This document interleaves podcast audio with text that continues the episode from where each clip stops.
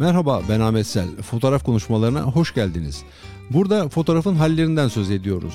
Fotoğrafçılar, yayıncılar, eleştirmenler, kısacası hayatın bir yerine fotoğrafı koyanlar bizimle birlikte oluyor. Bugünkü konuğum Amerika'da ailesiyle yaşamını sürdüren fotoğrafçı, foto muhabiri Kerem Yücel.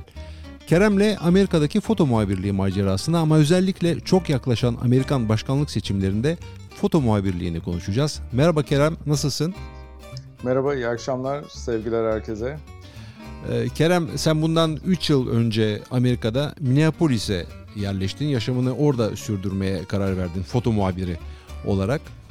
Aslında geçtiğimiz Mayıs ayında Minneapolis'te e, siyahi George Floyd'un polis tarafından öldürülmesiyle başlayan olaylarda çektiğin fotoğraflarla kendini Amerikan basınına kabul ettirdin. Çok zor bir şeyi başardın. AFP ile Fransız basın ajansıyla da bir işbirliği içerisine girdin. Bu sayede fotoğrafların e, dünya basınında genişçe yer e, buluyor. İlk önce seninle çok yaklaşan Amerikan başkanlık seçimlerinde fotoğrafçılar ne gibi hazırlıklar içinde? Bundan bahsedelim istiyorum. Ondan sonra senin kendi kişisel e, serüvenine e, döneceğiz. Amerikalı fotoğrafçılar nasıl bir hazırlık içinde? Bu çok uzun bir süreç, uzun bir maraton oldu diyebilirim. İki başkan adayının bu işte son finale gelmesinden önce yaptıkları mitingler, toplantılar hatta ondan önce özellikle demokratların birden fazla adayı vardı.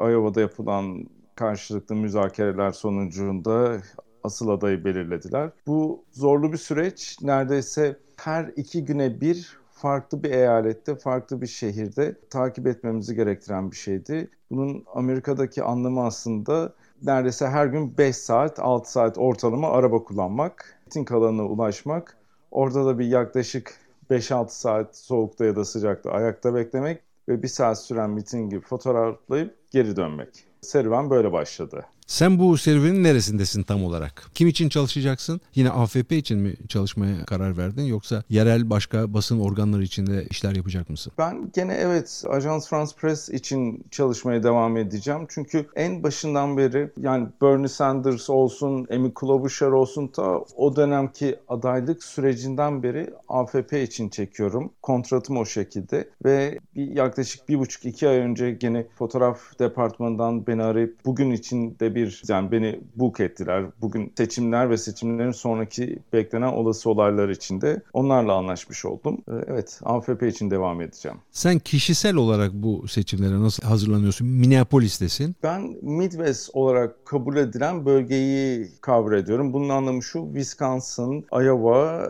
Güney ve Kuzey Dakota eyaletleri, Chicago bu eyaletlere bakıyorum. Oldukça geniş bir alanı evet. kapsıyor bu tabii.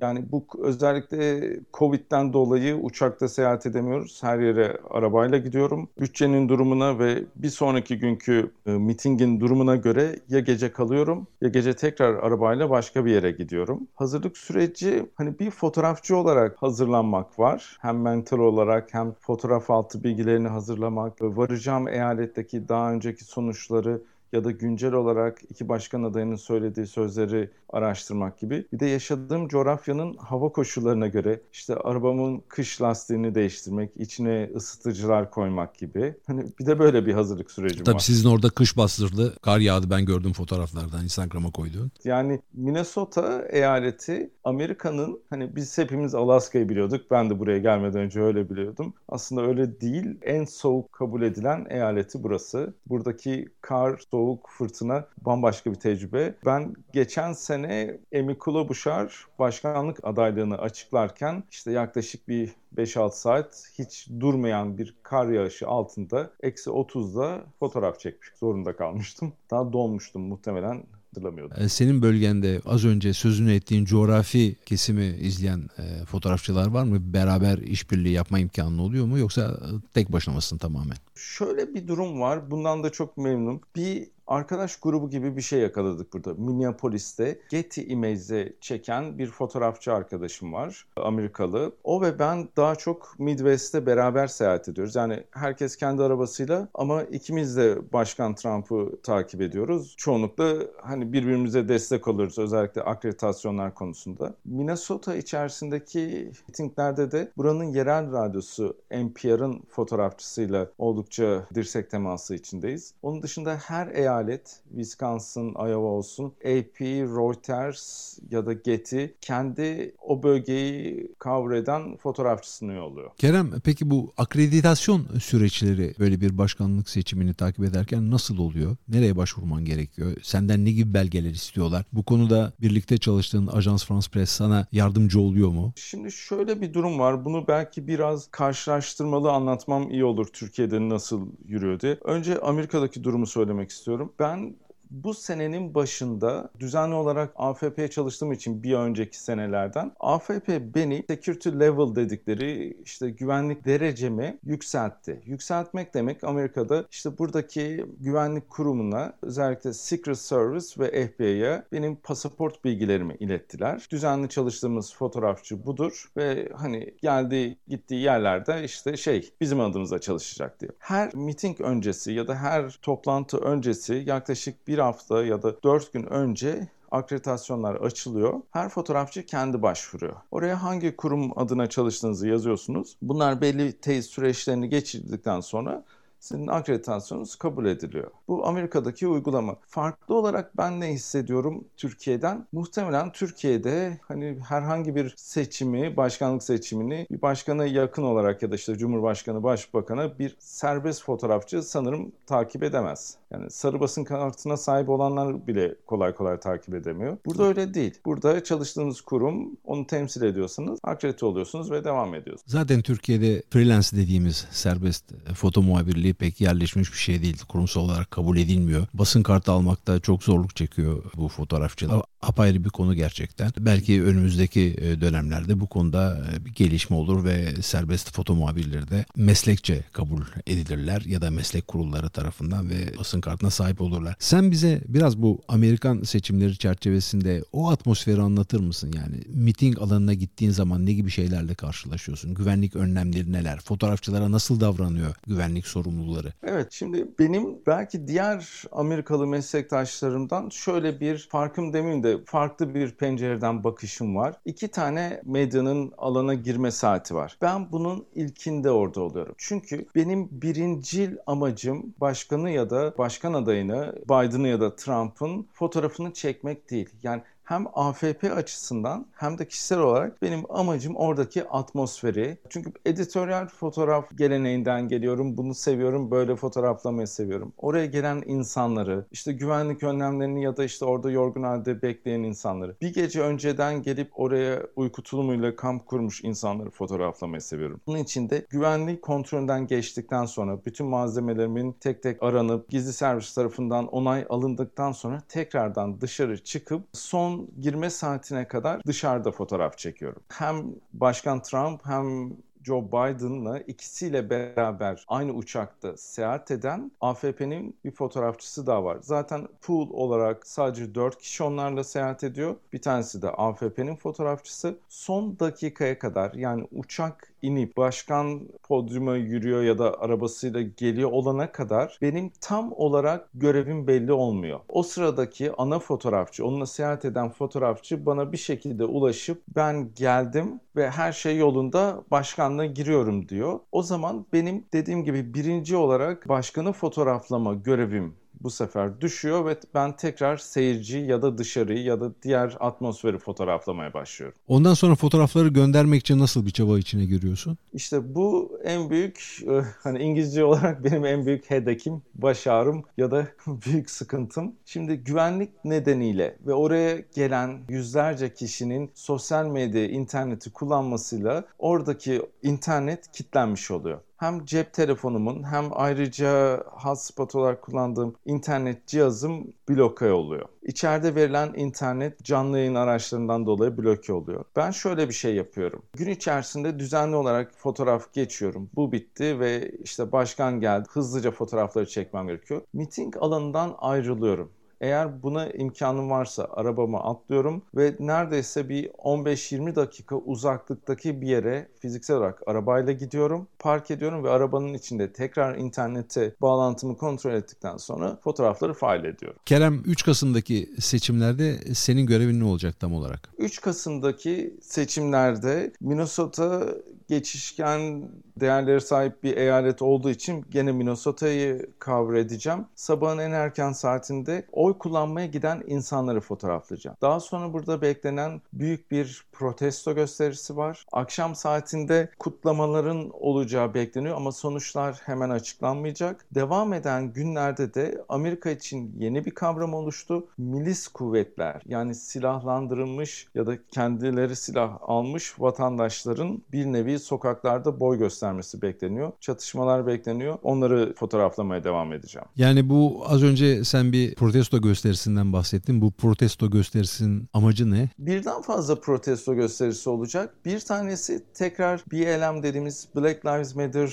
hareketinin özellikle George Floyd'un öldürmesinden sonra sokağa dökülen siyahi hakları savunucuların gösterisi olacak. Herkesin hayatı değerlidir diyen Trump taraftarlarının bir gösterisi olacak. Bir de tamamen seçimleri protesto edilen yani seçim sistemini protesto eden daha anarşist kabul ettiğimiz grupların gösterisi olacak. Ondan sonra akşam da bu silahlı milis güçlerinin gösterileri bekleniyor anladığım kadarıyla. Akşam, gündüz ve sonraki gün evet. Çünkü Başkan Trump'ın şöyle bir çağrısı var. Sandıkları boş bırakmayın. Ee, anayasanın ikinci maddesine göre hepimiz kendimizi savunma hakkımıza sahibiz. Silahlarınızı alın, sokaklara çıkın dedi. Bunu duyan taraftarları ve bunu duyan, bu durumdan hoşlanmayan karşı görüşün taraftarları silahlarını alıp dışarı çıkacak. Ve burada sence herhangi bir gerginlik olabilir mi? Bu soruyu kendi kendime soruyorum. Amerikalıların bana göre müthiş bir abartma özellikleri var her şey hava durumunun bile ama kim bilebilir sonuçta hazır olmam gerekiyor. Ajansında yeni kuralları var işte seçim günü baretimi işte kurşun geçirmez yeleğimi ve gaz maskemi takmam gerekiyor. Sana küçük bir detay e, soracağım. Bu bahsettiğin malzemeleri yani kasktır, kurşun geçirmez yelekleri sen bunları kendin mi aldın yoksa AFP mi sana gönderdi? Bu da gayet iyi bir soru bir serbest foto muhabiri için. Ben bunları kendi imkanlarımla almaya çalıştım. Sonra çocuk oyuncağı gibi şeyler geldi yaptığım alışverişten. Sonra da kullanmamaya karar verdim. Daha sonra bir e, arkadaşım fon oluşturdu. Kendine bunları aldı ve kendi inisiyatifiyle bana bunu vermek istedi. Sonra da ben dedim ya bir de ajansı sorayım. Çünkü sormamıştım. Onlar da dediler ki abi sana verir sen adresini gönder. Şimdi geldiler. AFP ile bu arada ilişkilerin nasıl mesela? Ayda belirli bir gün miktarı var mı yoksa bütün ay çalışabiliyor musun? Yoksa 15 gün ya da 15 günden daha mı az çalışmak durumundasın? Serbest foto muhabiri olduğu için onların da kendilerine göre bir takım kuralları var benim bildiğim kadarıyla. Senin durumun ne? Bu George Floyd gösterilerinden önce 15 gün neredeyse maksimum çalışma süremdi. Daha sonra bu çok arttı çünkü her gün bir şeyler oldu. Şimdi tekrar bu süreyi aşağıya çektiler. Dediğim gibi işte iki hafta gibi sınırlandırıldı. Ama seçimlerden dolayı şimdi gene neredeyse sınırsız bir durumda